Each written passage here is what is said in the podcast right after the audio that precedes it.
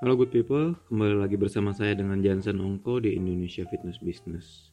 Pada kali ini saya akan membahas tentang promosi lagi, di mana uh, saya pernah membahas tentang promosi di beberapa edisi podcast sebelumnya. Namun hari ini pastinya akan berbeda karena akan menciptakan pandangan atau point of view, sudut pandang yang berbeda untuk kamu yang berusaha untuk mempromosikan jasa personal training yang kamu ingin tawarkan ke masyarakat. Nah, banyak sekali yang kita lihat di saat ini orang menjual jasa personal training baik itu yang offline maupun yang online berdasarkan tampilan fisik yang dimilikinya. Ini tidak salah karena ya ada juga orang yang mau berlatih strength training untuk tampak lebih atletis, tampak lebih keren, ya ingin memiliki postur tubuh yang lebih baik secara tampilan. Makanya bukan salah, tapi apabila tujuan kamu untuk memperoleh klien baik online maupun offline, ini adalah cara promosi yang paling tidak efektif sebenarnya. Jadi begini, di saat kita menawarkan atau mempromosikan jasa kita berdasarkan fisik physical appearance tampilan fisik itu tidak akan long lasting. Kenapa?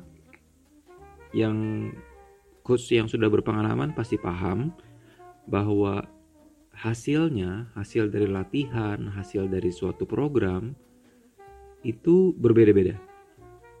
Jadi terlalu risiko untuk menjual program ya mau itu programnya sedetail mungkin berdasarkan transformasi karena kembali lagi kita hanya bisa mengontrol satu jam yang ada di saat berlatih bersama kita tapi 23 jam di luar sana klien akan sangat susah untuk dikontrol kalau kalau sampai bisa ada yang berhasil pun saya bisa ini pastikan itu cuman persentasenya cuman kecil dari klien yang kita tangani. Kenapa saya bisa mengatakan ini? Karena berdasarkan pengalaman. Tuh.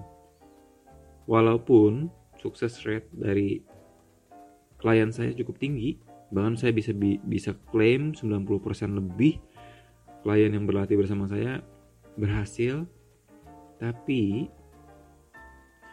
awal atau setup dari mindset yang saya berikan kepada klien itu bukanlah transformasi ke fisik tertentu. Ya. Karena seperti yang saya jelaskan tadi, kalau based on looks, disappointmentnya akan sangat besar sekali dan tidak atau sulit dalam jangka panjang. Ya satu hal ya karena kadang-kadang demandnya irrelevant. Saya ingin kelihatan seperti si A, si B, si C.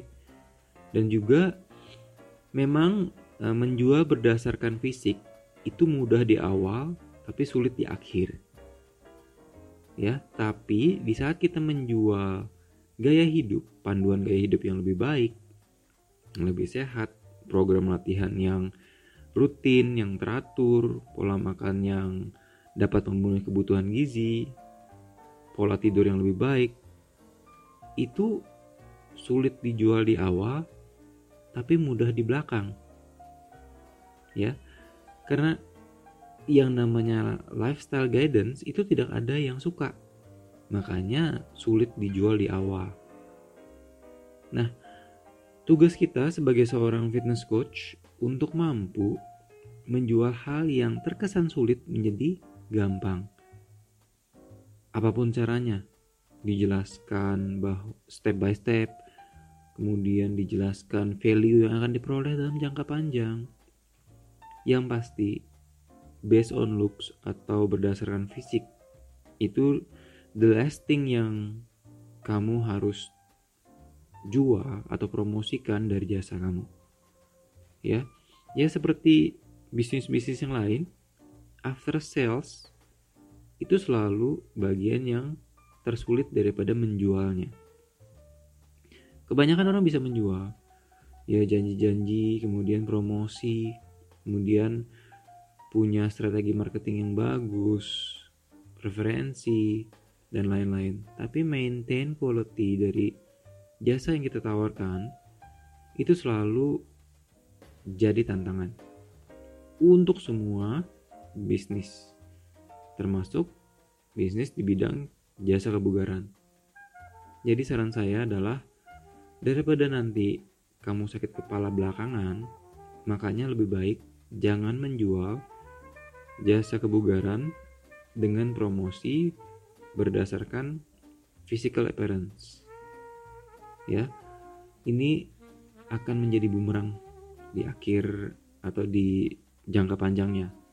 Nah, yang masih kita ingat adalah jasa kebugaran itu sangat sangat ini ya berperan sangat-sangat mengharapkan reputasi eh, berdasarkan reputasi. Jadi maksudnya begini. Untuk memaintain bisnis kita long lasting, maka reputasi juga harus dijaga. Nah, bayangkan kalau misalnya kliennya satisfied di depan, kita bisa memberikan transformasi dan lain-lain berdasarkan fisik. Dan ini kan berhubungan dengan hal yang tidak bisa kita kontrol yaitu hidup orang lain.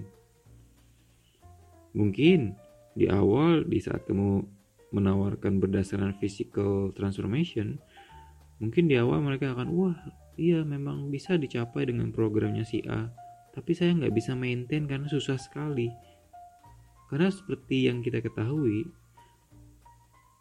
fast transformation atau perubahan yang cepat itu pasti melibatkan uh, defisit kalori yang bisa dibilang cukup besar untuk mencapai body fat tertentu sehingga akan sulit buat mereka maintain low body fat level. Nah, saran saya adalah bagaimana kita bisa mengajarkan ke klien ada yang disebut dengan healthy body fat range. Ini kalau misalnya mereka masih ingin ini ya mencapai goal berdasarkan physical appearance. Nah, semoga share saya tentang promosi ini bisa membuka mata kamu, memberikan point of view yang berbeda, sudut pandang yang lebih baik dalam menawarkan jasa kebugaran.